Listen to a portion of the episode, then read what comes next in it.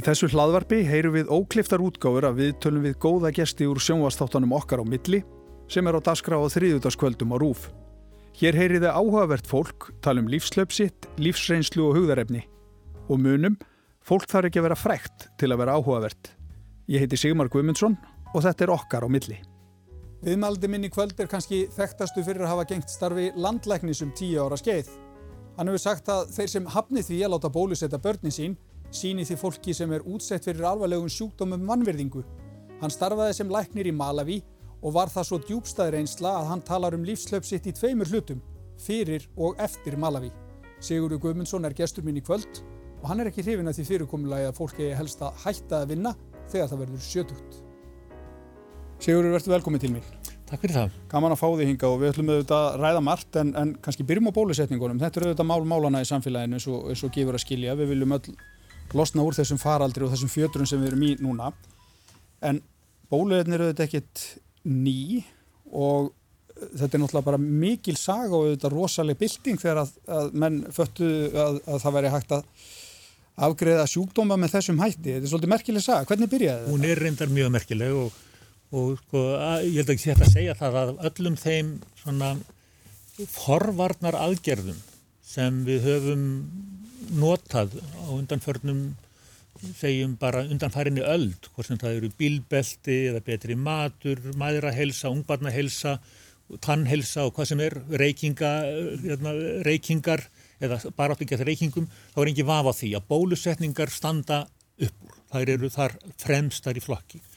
Og þetta byrjar reyndar mjög snemma það eru svona ímsið sem telja það að þetta sé allt frá því 5.000 fyrir Krist, 7.000 árum síðan, mm. að þá byrjuðu menn á því sem var kallað svona bólusetning núna, mm. að þá var tekin svona einhvers konar skaf úr bólum, bólusóttar og sett inn í heilbritt fólk til þess að komi vekk fyrir það að það fengi bólusótnina og þetta virkaði. Mm. Svo er það reyndar ekki fyrir mörg þúsund árum setna að svona það fyrir að komast einhver mynd á þetta og, og frægast að dæmið eða, eða raunverulega upphafsmaðurinn sem maðurinn sem hefur einlega verið skrifaður fyrir upphafi bólusetninga í heiminum er Edward Jenner sem margir kannast við, breskur læknir sem byrjaði á að taka hérna, skaf úr kúabólu mm. sem mjöltastúlkur í Breitlandi fengu af júrum kúa og, hann, og það var tekið eftir því að þær fengu ekki bólusóttina sem bara draf fólk í hrönnum á þessum, á þessum tíma.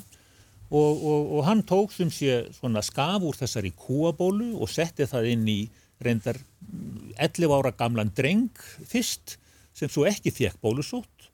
Og, og þetta var árið 1796 mm. reyndar var nú breskur bondi sem hefði gert þetta áður, það er óvita hvort að gender vissi af því og, og allavegna, þannig byrjar þetta og það er ekki náma sex árum eftir það, 1802 sem Íslandingar byrja á bólusetningum og þess vegna heitir þetta bólusetning og við notum þetta orð mm. allar gott og síðan þó við séum alls þó við séum, séum búin að útrýma bólusótt og það má reyndar bæta því við að, að, að, að bólusótt er eini sjúkdómurinn sem okkur hefur tekist að útrýma af jarðarkringlunni og það var einmitt gert með bólusetningum. Oh. Þannig að leiðin til þess að ráða við sóttar, sóttir á, á borð við COVID og, og fleiri og fleiri er bólusetning. Mm.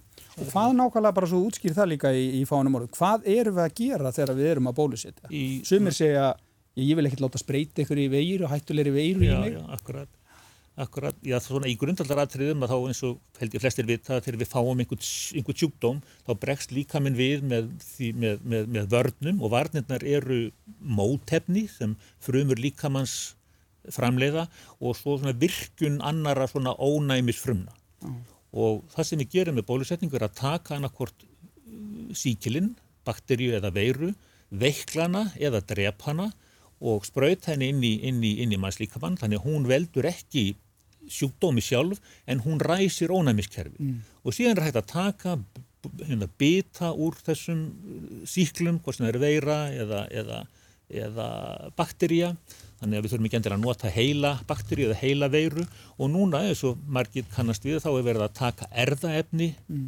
veirunar og nota það til þess að ná fram nákvæmlega þessu að ræsa ónæmiskerfið þannig að það er tilbúið þegar hinn eina og sanni, þegar hinn einu og sanni raunverulegi síkild kemur og ræðist ámann. Mm.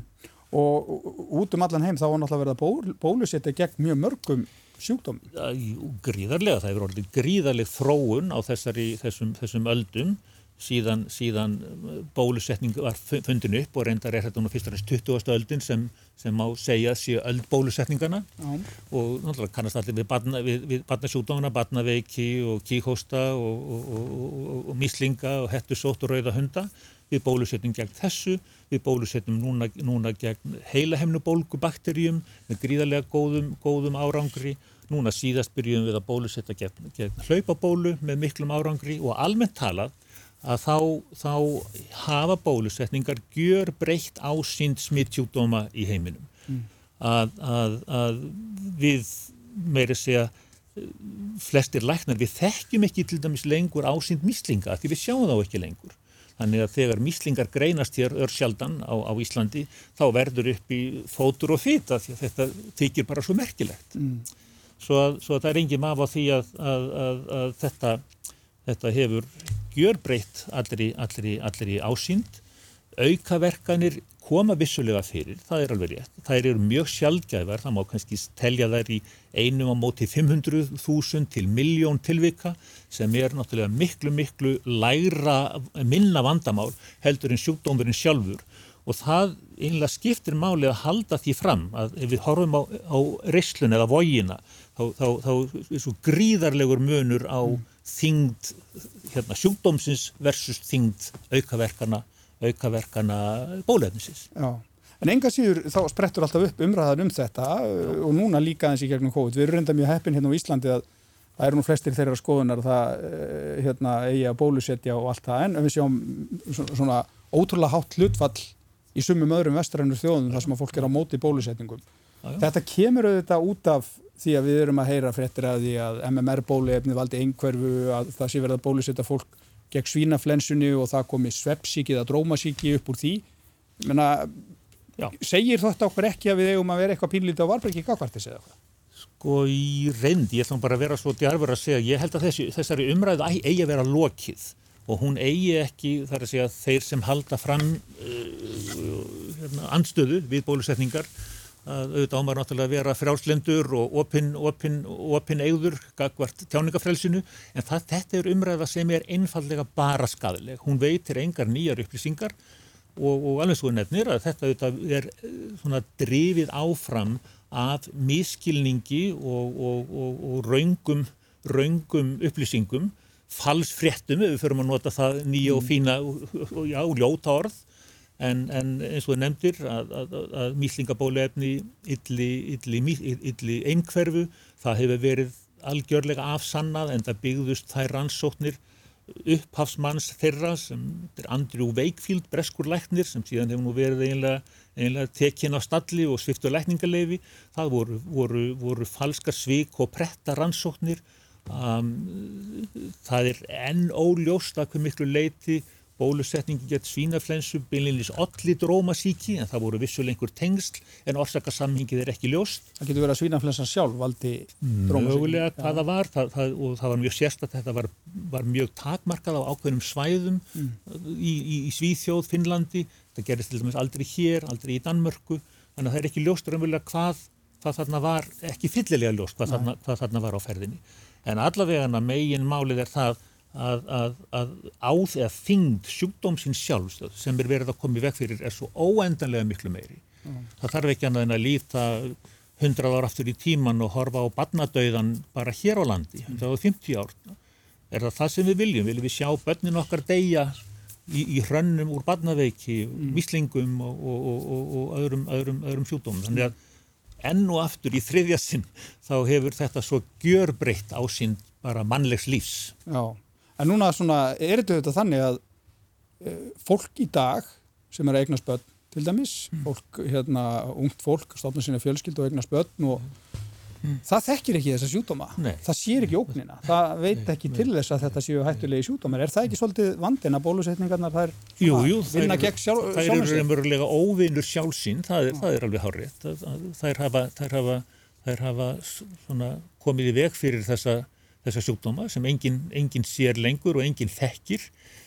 Hvernig er hægt að koma uh, þessu fyrir uh, eða, eða, eða hvernig er hægt að, að koma þessum upplýsingum betra á framfæri? Þá veit ég ekki, við náttúrulega gerum það ekki með því að hætta bólusetningum og segjum svo já, sjáu því hvað gerist. En það þarf þó ekki að fara langt aftur eða langt frá Íslandi að til dæmis að þá eru, eru, eru, eru endur teknir faraldra mislinga í, í Evrópu, í bandaríkjónum meðal þeirra sem ekki hafa fengið bólusetningar eða neyta þeim. Þannig að dæmin eru allstaðir í kringum okkur þó svo að við höfum ekki sem betur fer þurft að takast á við þau hér. Eins og þú sagðir að þá eru vissilega einhver anstaða gegn bólusetningum hér, það eru háværa raddir en þetta er gríðarlega fámennra hópur sem betur fer. Já. Og hvar, hvar myndur þú nú setja en Andrew Wakefield á, á, á hérna hvarðan, góður læknir, vondur læknir? Allir ég myndi ekki setja hann mjög ofarlega ef ekki efst á hvarða vondra lækna. Ég er ekki að segja það að við læknar séum allir einhver englar, alls ekki, ja. en ég held nú svona gammalust að Andrew Wakefield sé sennilega sá kollegi okkar sem hefur gert mestan skafa á undanförnum hundrað árum í heiminum. Við getum, ég ætla ekki að fara út í samanburð við lækna nazista í, í, í, í þeirni heimstyrjöld en þessi maður er alveg á þeim, svona, þeim slóðum. Já, með því að grafa svona undan með þessu bólu. Með því að grafa undan og valda þá alveg gríðarlega viðtækum skada Já. og ég bara get fullir það að, að, að döðsföll, sjúkdómar, afleiðingarsjúkdóma að völdum þess að taka ekki bóluefni eru út um allan heim og, og, og upphafsmaður þessa meðar annars er þessi, þessi kollegi okkar. Já. Já.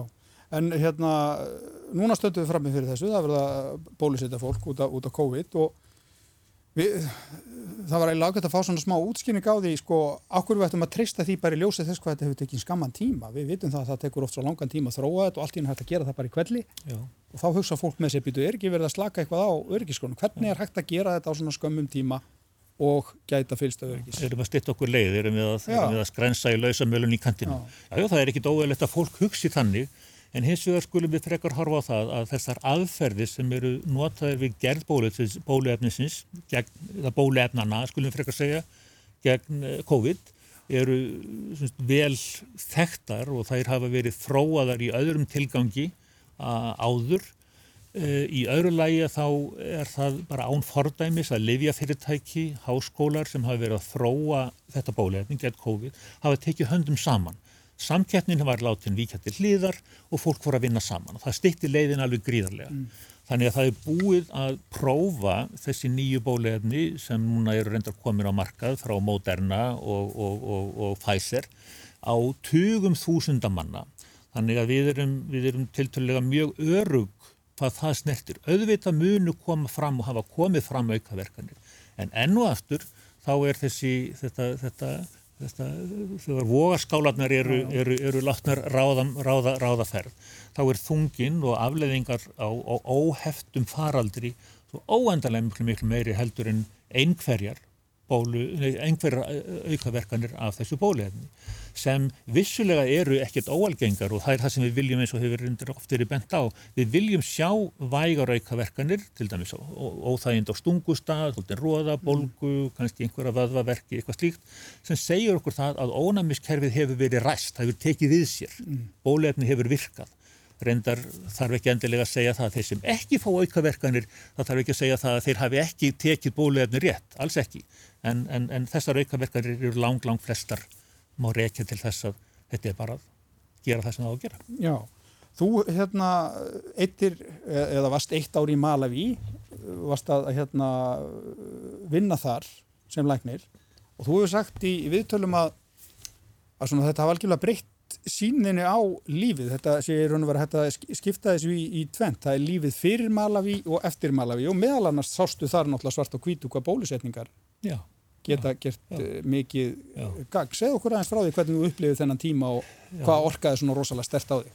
Já, ég hugsa það að, að kannski það fyrsta sem, svona, sem, sem kemur í hugan er uh, uh, munurinn á því að starfa og lifa hér og síðan á slóðum eins og Malawi þar sem fátækt er mikil og innviðir mjög brotakendir að, að að hversu, hversu raunverulega heppin og þakklátt við megum vera fyrir það sem okkur er, okkur er bóðið hér. held að það sé nú kannski það, það, það, það fyrsta, þannig að allar kvartanir og, og, og aðtöðasendir sem við kunum að hafa við okkar heilbriðisjónustu, það er, er náttúrulega hjóm eitt þegar við horfum á það sem fólki er bóðið upp á, á, á, á þessum slóðum. Um, þessi líka svona sér maður svart á kvítu hvað uh, ástandi getur verið alvarlegt, maður sér það eins og segir réttilega, hvað bóluefni geta skipt sköpum, maður getur séð þarna svart á kvítu hvað liv skipta miklu máli. Á þessum tíma sem við vorum þarna, þá kom fyrir sérstaklega á, á regntímanum að barn dó úr malaríu nokkur sinnum í, börn dói malaríu nokkur sinnum í viku mm. á þessum stað sem við vorum á við mistum unga, unglinga, unglinga úr heila hefnubólgu að því það voru ekki til rétt líf þannig að það eru svona alls konar, alls konar þannig svona endurminningar sem, sem, sem, sem eru í, er í, er í, er í huganum. Um, já því ég hef býst að það sé nú svona það sem er það sem er svona efst á bau og líka það að vera þarna og finna það að maður er sennilega að gera eitthvað gagn, raunverulegt gagn mm. að vera þarna í þessum, þessum, þessum umhverfi þessum, þessum aðstæðir eru jafn slæmar og, og, og vera fást við einhvað að segja alvöru sjúkdóma sjúkdóma sem, sem, sem drepur fólk, ungt og hraust fólk og síðan ef við horfum hingað heim að, að, að vissulega erum við að, eins og ég segi, við erum að gera mjög góð, góð störf hér en við erum að miklu leiti til, mjög miklu leiti að eiga við lífstilsjúkdóma, sjúkdóma sem við getum kannski miklu frekar tekist á því sjálf með því að breyta hegðun okkar og beita forvörnum, helsueflingu, helsuvend og, og, og, og við erum að eiga við þá af miklum, sko, miklum auði en á hinbóin í Malawi erum við eiga við þetta gríðarlegum vanefnum. Það er þessi miklu, miklu anstæður sem, sem, sem, sem eru svo ábyrgandi í hugan. Já, og það, þegar þú ert þarna úti þá ertu eins og þú ert að segja, þú ert að sjá börn og ungmenni og fólk auðvitað af öllum aldri degja úr sjúkdómum sem að það hefði engan veginn dáð úr hér heim. Absolut ekki. Sjúkdómum sem er til til að auðvelta meðhandla mm. og, og komi, komi vekk fyrir meðal annars með bólusetningum. Að þeir, þeir sem vissulega hefur ástandið í Afríkusunna Sahara batnað mjög mikið á undanförnum árum. En það er alls ekki, alls ekki nógu gott en þá og, og, og, og vandin er kannski einhverju leiti samskipti ríkra þjóða við þáttakar þjóðar eins og Afríkusunna Sahara og í, í, í, í suð, Suðaustur Asíu við sem, sem, sem veröld, sem sem, sem íbúar jarðar berum að einhverju leiti ábyrð á þessari misskiptingu og það er þetta svona sittur svolítið að sækja svolítið að manni svo hugsun að því að við höfum verið að tala um bóleðning gegn COVID, hvernig munu þessara fátæku þjóðir fara út úr þeim jöfnuði eða samjöfnuði. Nú heyrum við það að ríku þjóðurnar eru að, einhvað að segja, sanka að sér bóleefnum. Þessu umræði hefur verið mjög, á, mjög áberandi hér að við eigum, höfum einhvern Guðs gefin rétt á því að vera á undan öllum öðrum þjóðum er það alveg siðferðilega hafinn yfir allan vafa að við eigum það og maður hefur satt að segja áhyggjur af því að, að löndin sem ekki eiga jætt mikla yfir jætt miklum fjár, fjármunum að, að, að hafi ekki jætt mikla fjármunni í handraðanum að þau muni bera skarðan hlut frá borði og fá bólefnið seint eða ekki. Mm. Er ég að lesa þið rétt? Finnst þér fyrst eins og þetta við eigum ekkert að vera að sækjast eftir því að Já, fá, fá bóluefni örar heldur en aðri, jafnvel þótt að við séum að tala þar um einhverjar vísindaransóknir sem að líka að baki. Vísindaransók kann að, sko, það kann að vera, það er reyndar annað, annað mál. Ef við getum sett upp rannsókn sem, sem svona, felst í því og eins og hefur verið talað um, að kann að það hvort að sé hægt að koma og uppræta sjúkdóm í afmörkuðu afmarkaðri hérna, afmörkuðu sæði eins og, eins og Íslandi þá með, með, með bólusetningu og ekki síst í landi þar sem við getum gætt okkur á landamærunum og hamið eða komið í vekk fyrir að, að ný síking komin þetta er náttúrulega heilmikið lærdómur fyrir, fyrir, fyrir heiminn. Ef að ekkert slíkt er á spýtunni þá finnst mér allavega ekki hafið yfir allan vafa að við eigum einhvern guðskefin rétt á því að fá bólefni umfram aðra þjóðir. Nei, mm. alls ekki. Og, og, og ég held að, að, að, að sko, þessari, þessari, þessari, þessum faraldri hann verður ekki upprættur nema við upprættum hann allstaðar. Ef við skiljum einhver svæði heims eftir, mm -hmm. þá eru þar hreyður sem geta, geta, geta valdið því að, að þetta fær allt saman að staða aftur.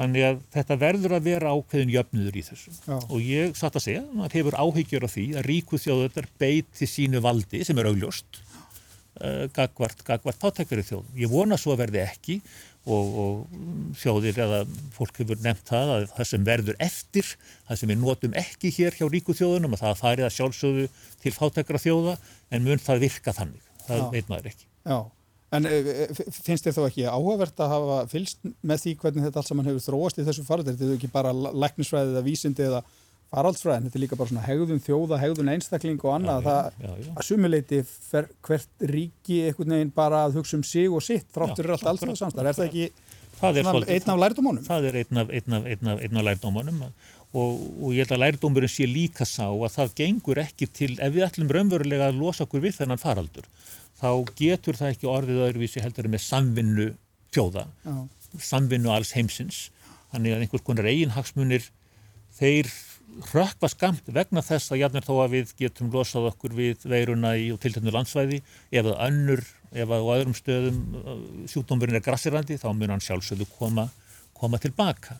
Mm. Svo ég held að þetta svona frá upphæfi verður þetta vera jafnaðarsjónamið sem, sem, sem ræður, ræður, ræður ríkjum. Það ja. sem mönnum kann að finnast um það, ég get að við skilir það að auðvitað, því, því fyrr sem við losum okkur við þetta hér, því betra.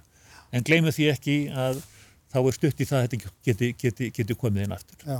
Það þarf ekki nema eitt-tvö tilfellit á hérna, eh, hérna eitt-tvö einstaklinga til að bera þessa veiru inn, inn í landið aftur. Já, en svo erum við þetta líka í þeirri stöðu að hérna, það er alls konar sjúkdómar þarna á kreiki, já bæði sjúkdómar sem hafa komið fram og svo aðri sem eiga eftir að koma fram sem að geta líka valdið heimsfaraldri. Er, er, er þetta verða bara eitthvað svona viðvarandi meiri ógn af því að maðurinn er alltaf verða frekar og frekar á land og, og gæði? Já, það er mjög, mjög, mjög góð spurning. Það kann að vera. Þegar reyndar náttúrulega er þetta saga heimsins, hún er vörðuð svona stórum faraldurum. Við, við töluðum um bólusett og bólusótt og nefna svartadauða og, og, og svo framvís og framvís. Mm. Það er, og það er alveg ljóst að, að þetta er ekki spurning um hvort heldur hvenar næsti stórfaraldur eh, hérna kemur.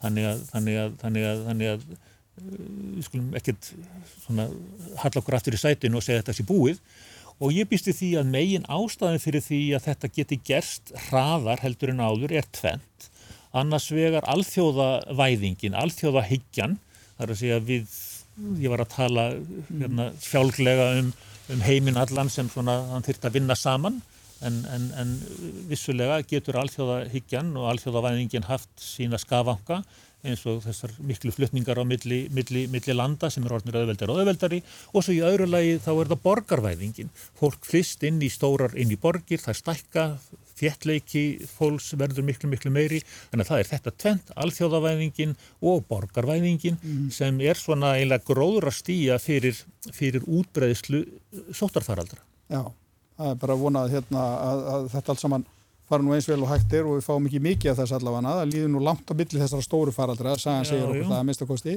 já, já. En, en það hafa verið sko, faraldrar uh, frá spönsku veikinni sem er nú kannski sá síðast í stóri mm -hmm. og þetta verður nú að segja að COVID er nú kannski bara eins og kórdrengur samanborið við hérna, spönsku veikina sem líklega drap um 500 miljónir um, um hérna, 50 miljónir manna og kannski 100 miljónir mm þó að það sé nú ekki alveg, alveg, alveg, alveg vitað. En síðan hafa vissulega verið influensufaraldrar og, og til dæmis, til dæmis hérna, koronaveirufaraldrarnir bæði SARS og MERS sem reyndar urðu mjög litlir en það kannski var bara hefni að veiran hún hafði ekki áunnið sér einhverja mm. þætti sem geta gerinni kleift að dreifa sér jafn öruglega eins og COVID gerir núna svo að það er, eins og ég segi, það er, það er, þetta er ekki spurning um hvort heldur hvenar næsti, næsti faraldur mm. kemur og hversu vel við verðum undir það búin að taka við honum, það þetta vitum við ekki en vissulega höfum við lært gríðarlega mikið af COVID mm. Mm. og við lærðum reyndar mjög mikið af svínaflensunni líka, þarna 2009 mm. og, og, og þannig að þekking okkar og viðbræðs geta fer vaksandi en ég held að sé alveg sama hversu vel við undirbúum okkur við getum gert það þóttur við erum blá og græn í andlitinu þetta mun alltaf verða erfitt, þetta mun alltaf koma okkur einhver leita óvart. Já, já, það er svona líkur eiginlega bara svolítið í hlutarinn selja, en hvað með nú erum við að, að berjast gegn COVID, eh, svo erum við með veirur þarna úti, eh, við, við tölum til dæm stundum um ebólaveiruna sem er, sem er alveg gríðalega bannvæn, getur ykkur svoleiðis veira dreifstum heimsbyðin á örskotsraða, bara með dánatíni hjá henni er náttúrulega mjög há. Hún var allt upp í 90% til, tilvika. Já, stuttasvarið, bæði ofnbæra svarið og heiðarlega svarið eru já og það er, það er hérna, það getur verið. Við til dæmis má segja raunverulega að við vorum mjög heppin að ebólaveiran hún, hún, hún smitaðist engungu við snertingu. Ef hún hefði tekið á sig nýja mynd sem svona fræðilega séð er ekkit óhugsandi að hún gæti eða einhver svipuð gæti gert það tekið á sig þá mynd að smitast með hérna úða, öndunar, öndunarsmit eins og, eins og, eins og uh, COVID gerir þá hefði ásýnd ebólu um heiminu verið allt, allt önnur. Hún hefði dreifst miklu hraðar, hún hefði sannlega dreifst um, já, ég veit ekki, um hluta heimsins, kannski allan það sem gerðist í ebóla, við, við, það voru við sem fluttum tilfelli ebóla til Vesturlanda. Það voru semst hvitt fólk á þessum slóðum sem var flutt á gjörgjastöðdeildir á Vesturlandum. Mm. Það var ekki fólkið sem bjó í, í landunum, Líberi og Sierra Leone og Gíni, heldur, heldur, heldur voru það, voru það vestrænir hjálparstarfsmenn fyrst og fremst sem, sem, sem, sem nutuð þess að vera fluttir heim til sín. Já, en þetta sem við erum alltaf að tala um núna, þetta, þetta, er, þetta er svo áhugavert að því að þetta er, er svo mörg svið einhvern veginn sem er undir í þessu. Það, þetta snertir alla þætti mannlegar tilvöld. Þetta hlýtur að vera svona, eins og þetta er nú glatað að fylgjast með þessum sjúkdómi, þá hlýtur mm. þetta samt að vera svolítið svona heillandi fyrir ykkur vísindamenn að, sjá bara í rauntíma hvernig einstaklingurinn bregst við, hvernig samfélagin bregðast við og, og hvernig veira með. Það er raunverulega, það er rétt, það er raunverulega mjög sérstakt að, að vera svolítið svona í auga stormsins, hvað sem það eru smittsjúkdómalæknir eða ekki, mm. að horfa á nýjan sjúkdómverða til. Það er ekki nema í, fyrir rúmu ári, þá vissum við ekkert um, um, um, um, um þessa veiru. Hún var ekki til í okkar, okkar huga. Það má kannski segja að við sem upplifðum upp upphaf HVF og alnæmisfaraldursins að við horfum á þann sjúkdóm verða til líka, hann er reyndar alltaf allt öðruvísi, þetta gekk alltaf, alltaf öðruvísi fyrir sig, en hérna erum við raunvel í auga nýs heimsfaraldurs og sérstaklega þarna til að byrja með að þá, þá lærðum við ekkert minna um tilvist og hegðun sjúkdómsins með því að tala við sjúklingan okkar, skoða þá, fylgjast með þeim, reyna meðhandla þá, heldur en að lesa um sjúkdóminn sem eitthvað sem aðri skrifuðu. Mm. Þannig að þetta er, þetta, er, þetta, er, þetta er mjög, svona, mjög, mjög sérstakt og já, kannski einhver liti heillandi með ákveðnum neikvæðum formerkum vissulega. Og líka það sko, maður kannski sé þetta betur en í, núna í rauntíma heldur en nokkur tíman áður hversum mannleg hegðun sem þú nefnir réttilega, hvað hún skiptir miklu máli í, í, í útbreyslu þessar sjúkdóms. Það er raunverulega það er raunverulega mótorinn sem, sem, sem, sem drýfur þennan sjúkdóm áfram. Hvernig við hegðum okkur, hvernig við komum fram við hvort annað, hversu langt við erum á millakkar, hvers, hvernig við snertumst, hvort við erum með grímur eða ekki. Þannig að það er raunverulega megin ástæða þess að þessi sjúkdómir hefur breyðist út, er hegðun manna. Já. Og það að hafa áhrif á hana er erfitt. Ef það væri auðvelt að þá hefði þessi sjúkdómir ekki breyðist út og við sjáum bara afleðingar þess. Það þarf ekki ennum eitt, tvö tilfelli, til dæmis á þetta litla land Ísland til að koma inn í landið með, með, með nýtt afbreyðu þessara veiru og hún dreifist út um all land á, á örskottstund. Já, þetta, þetta er bara svo leiðis. Þetta, þetta er svona, þetta er, þetta er reynilega drama sem svona valla hefði verið hægt að, að, að skrifa um hérna svona dramaleikrið, maður hefði valla hugsað þetta svona. Nei, en þú varst landlegnir um tíu ára skeið. Já voru menn til dæmis bara á þeim tíma þú varst frá, er það ekki 98 til 2008 Já. voru menn á þessum tíma mikið að búa sig undir eitthvað svona? Já, við, við hérna, ég held að við höfum verið að búa, búast við um margra ára tuga skeið að, að ég held að við höfum vita það að það kæmi að því að einhver tíman kæmi nýr heimsfaraldur og á þessum tíma þá vorum við þegar byrjuð að, að, að, að búa okkur undir influensufaraldur. Það var eiginlega það sem við vorum næstu í vissum að yrði næst í stóri skellur, rétt eins og spænska veikin. Og vissulega kom hans á 2009 og þá vorum við komin með áætlunum hvernig við skildum bregðast við sem hjálpaði okkur heil mikið sá faraldur var hansi erfiður, sérstaklega það var mjög mikið um veikt fólk, gjörgjastudeldnar fylgtust hérna hjá okkur og, en við lærðum gríðarlega mikið af, af þeim faraldir þarna 2009 sem aftur og enn auðveldaði undirbúningin fyrir COVID-faraldurinn. Þannig að við vorum byrjuð að bregðast við því áður en fyrsta tilfelli var, var greint hér, hér á landi þarna í, þarna í, þarna í, í byrjun ársins. Já, já hérna, svo við setjum nú kannski smá punkt hérna með COVID og, og, og þetta allt saman. Já, við nógu um það. Já, við höfum eftir að tala um þetta mikið og fleiri viðtölu og allt þetta sjálfsögði hérna. En þú, nefndir áðan að þegar þú varst í Malawi, já. að þá hérna hefur þú upplefað það svo rosalega stert á eigin skinni hvað er gott að gera gagn. Já. En þetta, ja, þessi hugsun að gera gagn, er það mikið reyfið að blí því að þú velur læknisfræðan á sínum tíma? Ég veit það nú ekki, kannski að einhver leiti, ég býst nú við að öll okkar hver, í hvaða starf sem við förum, mm. Svona, þætti það nú ekki verða að geta gert gagn í því, en ég held að það sem sko, hafi nú kannski uh, ráðið mest um það að ég valdi læknisfræði að mér langaði til þess að fara í eitthvað það sem byggðist á vísendum, þekkingu og, og, og svona einhverju sem væri hægt að standa á, en líka á tengslum við fólk, þessari húmanjóru læknisfræðinar að, að það að það er náttúrulega tvent sem gerir held ég fólk að góðum læknum. Við þurfum að kunna það sem við þurfum að kunna. Við þurfum að hafa tekningun á fingurgómunum geta byggt henni, við þurfum líka að vera fólk, menn, manneskjur og, og, og, og geta sínt hjúklingum okkar svona miskusti einhvers konar samhigð við þeir þurfa að finna, við séum með í þeirra liði, þeir þurfa að, að finna það að við okkur er ekki samum þá. Og það ég held að það veri þetta tvent þessi mannlegu tengsl og vísindin það sem, sem þau, þau, þau tengjast í læknisfræðinni sem allir því að ég valdi þetta fag nú á, á, hérna, á sínum tíma. Já. Það ætlaði mér að vera verkfræðingu fyrst, svo sá ég fram á það að ég get ekki hugsað mér að læra starffræði allar hennar tíma síðan til, þess. Við langar nefnilega til að byggja brýr, ég hafi verið í brúarvinnu lengi, mér fannst það ægilega spennandi að tekna og byggja brýr en svo einhvern veginn sá ég að starffræðin einhvern veginn, hún heitlaði mikið ná, þannig að þetta var svona val eftir það. Já, já og hérna einmitt nákvæmlega þessi partur á læknistærfunni, þessi samskipti sem að þarf að eiga við fólk ofta á alveg gríðarlega erfiðum og viðkomum tíma í, í lífið þess. Já. Þetta eru þetta heilmikil kunst að kunna Já, já, það er auðvitað eins og í reyndar í öllum, öllum, öllum störfum en, en, en það er sko auðvelt að, það er kannski auðvelt að vera að lækna tæknir, að kunna fæið en ef við höfum ekki hitt þessa, þessa mannlegu kent, þessa list að geta tala við fólk, samsama okkur með því, mm. þá erum við ekki nógu góður læknar.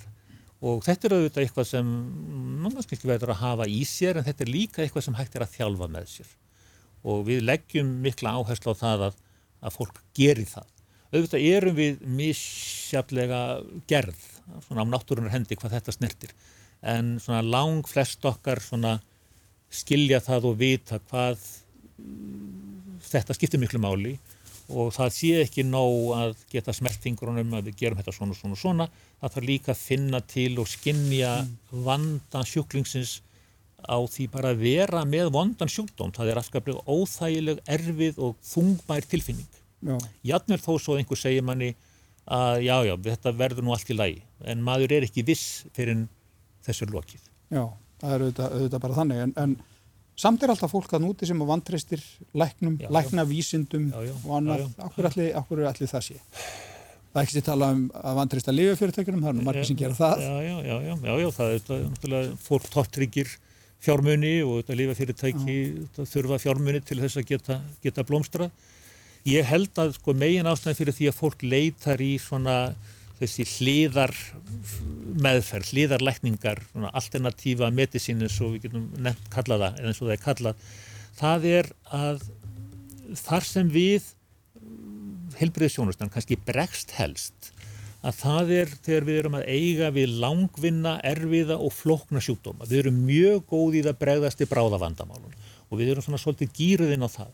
En þetta verður erfitt þegar uh, svona engin augljós lausn er til, sjúkdómurinn er langvinnur, flókin, erfiður, hefur mikil áhrif bæð á líf sjúklingsins og aðstandanans, að þá svona, skulum við skilti ég sagt að, að kerfið við með stóru, stóru vaffi, þar bregðumst við frekar. Og, og, og, og fólk finnur það stundum að við erum ekki að uppfylla þeirra væntingar og þá ferða það sjálfsögðu eitthvað annað. Mm. Það eru fullt af svona lukkuritturum þarna úti sem eru með gillibóðum að geta laga þetta og hitt með alls konar svona skrítnum og stundum jafnvel hættulegum aðferðum sem kosta heilmikla peninga en ef maður er illa settur og örvendingar fullur og vonlaus að þá að sjálfsögðu leitar fólk þangað. Mm. Og hvað segir nú læknirinn í þér þegar að þetta gerist? Hvað? Já, mér rennur það svolítið til rivja. Það er ekki að segja að það sé kannski svo tilfinning ef við horfum á þessa, þessa lukkurindara sem við getum kallað sem svo að þeir eru vissulega oft á tíðum að, að, að hafa fólk að fjöþófu og, og, og, og plata það svolítið.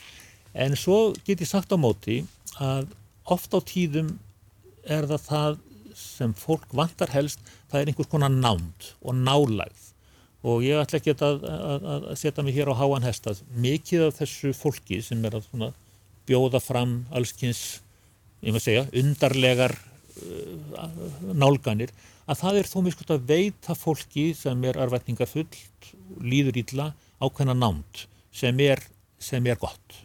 Mm.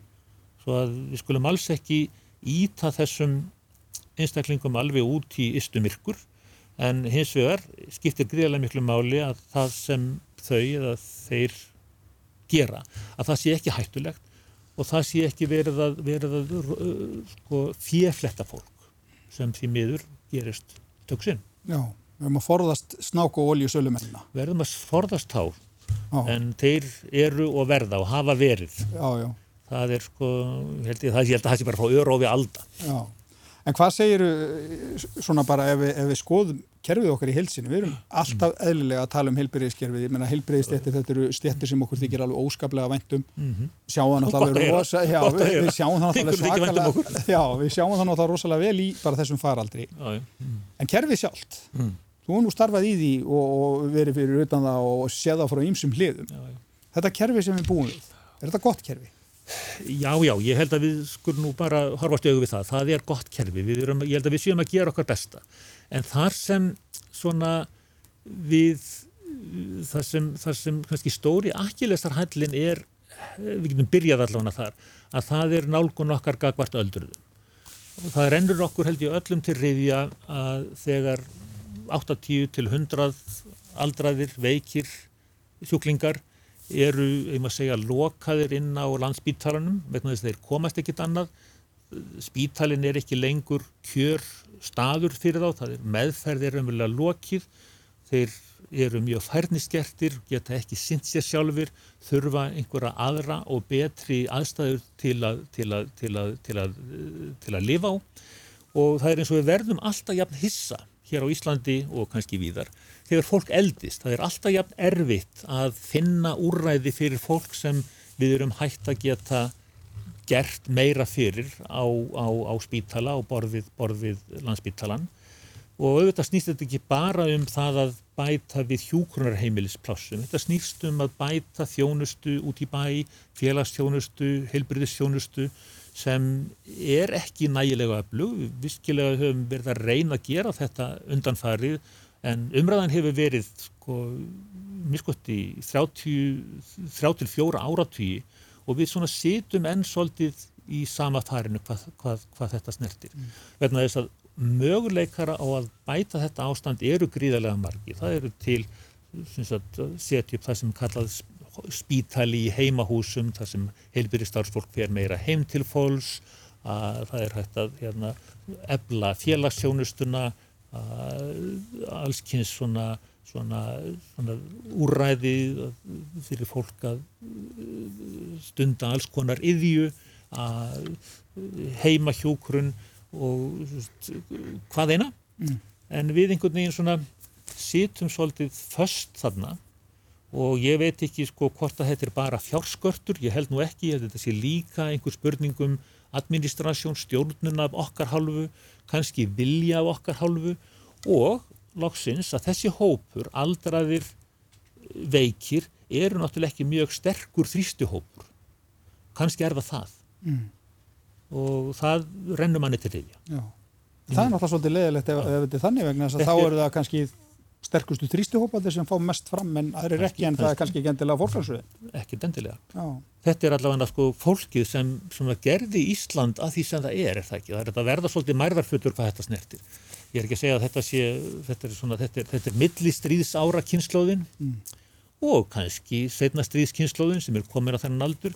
Þetta er fólkið sem kom okkur þanga sem við erum núna. Já. Þetta er eitt mesta velferðaríki jarðar mm.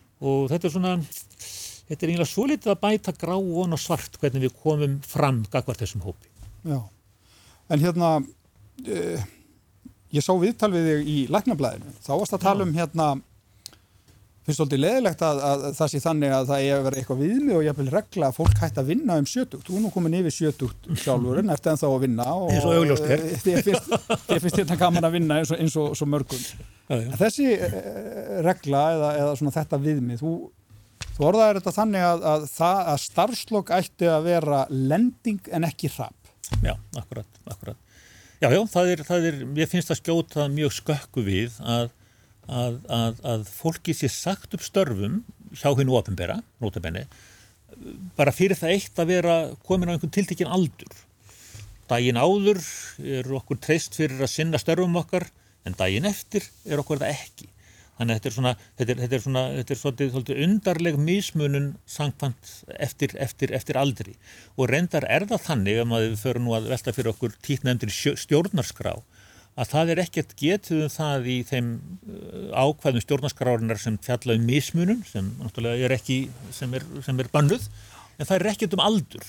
Þannig að raunverulega svona, ef við horfum á það þannig að þá er raunverulega, þá er það ekki andstætt stjórnaskrá að mismuna fólki eftir aldri. Þetta er mjög ómálefnaleg aðferð eða, eða ástæða fyrir, fyrir því að segja fólki upp störfum. Að vissulega eru margir sem myndu hafa áhuga og hafa áhuga á því að hætta fyrra að vinna. Aðrir hafa ánægi af starfi sínu og eru til í að halda áfram og það er bara einhverjum blöðum það að fletta þessi, þetta fólk. Og þá, þá ég í þeim hópi að við þetta erum með mikla, mikla reynslu, við kunnum ímislegt og, og, og, og höfum reynd mjög mikið og mikið af þessu fólki getur engefið af sér og þannig að, þannig að það eitt að, að svona höfða þennan hnút bara við sjötusaldur það, svona, það skortir góð rauk fyrir því. Auðvitað Við erum bara að henda í burtu verðmætum. Við erum, við erum, við erum raunverulega, erum raunverulega að því að, að nokkur leiti og þess vegna skiptir máli að þetta geti, starfslokin geti verið sveianleg og það sé nú minnst og þetta í svona krafa okkar og akkurat eins og, eins og nefndir að þetta þarf að vera hæg sígandi niðurferð, svona, svona snirtileg og kurtisleg létt, létt, létt lending. Og ég sem betur fer að ég hérna Ég ætlaði að mynda að segja, hvernig gengur lendingin hjá því? Já, jú, hún, hún gengur nú bara ágætlega. Hérna, ég sem betur fer, mér var búið að halda áfram á spítalanum og þá í tímavinnu svona eins og maður var í þegar maður var í uppskipin í gamla dag og í brúavinni en, en allt gott um það að segja og, og, og þannig að ég get svona kem þarna inn svona þegar svona mánæðilega í einhvern, einhvern, einhvern tíma og ætla svona að halda þessari lendingu áfram hægt og hægt. En, en eiga síður að þá, þá, þá er þetta svolítið harkalegt að gera þetta svona. Ég er ekki að segja það að fólk eigi að vinna við þessu störf alveg endalöst. En það skýtur svolítið skökku við, ef við horfum á læknana, þetta kannski gildur um einhver, einhver andur störf líka þó ég veit það ekki, að við, okkur, við sem erum að vinna hjá hennu, hennu ofnverða, við eigum að hætta sjötýr, en þeir sem eru með stofurekstur út í bæ, þeir læknar, þeir sem það gera, sem eru reyndar afskaplega margir, þeir geta unni til 75 ára aldur og 75 eh, ára aldurs. Og á spítalanum og í heilsugjastluna þá erum við venilega að vinna í hóp, við erum svona teimi og reyndar sko eru lækningar, þetta er félagslegt fyrirbæri menn eiga ekki að vera einhverjir einirkjar en þeir sem eru á stofum þeir eru miklu frekar einir út af fyrir sig og kannski síður að kollegar þeirra fylgist með þeim hvað þeir, hvað þeir eru að gera frá degi til dags. Svo þetta er svona þetta er svolítið svona undarleg þversögn. Mm en ég held að þessu verði svo sem ekki, ekki kift í liðin nema, nema lögum líðveldisins verði breytt. Það var reyndar gengið dómsmál meðal annars kennari hér í, í Reykjavík sem tapaði málinu á grundelli með þessar laga klásulu að ah. fólki skuli sagt upp störfum um sjötugt. Ah. Og ég held að þetta sé svona, ég held að þetta sé svolítið heitlandi viðfangsefni fyrir, fyrir lagasmiði að breyta þessu. Það hefur nú verið einhver umræðum þetta átinginu en hún hefur ekki náðu lengri en þetta. Ah. Það er búið að vera mjög forvindilegt að, að hérna, hlusta á því hérna í kvöld. Bara takk innilega fyrir að koma til mín Sigurður Guðmundsson fyrir hann til landleiknir. Takk, takk fyrir spjalli. Takk að þið fyrir, sem reyðis, sem reyðis. Þetta var hlaðvarpið okkar á milli, óklift útgafa af sjónvastáttunum sem er í loftinu á rúf á þrýðutaskvöldum og eftir kastljósu og menningu. Ég heiti Sigmar Guðmundsson, takk fyrir að hlusta.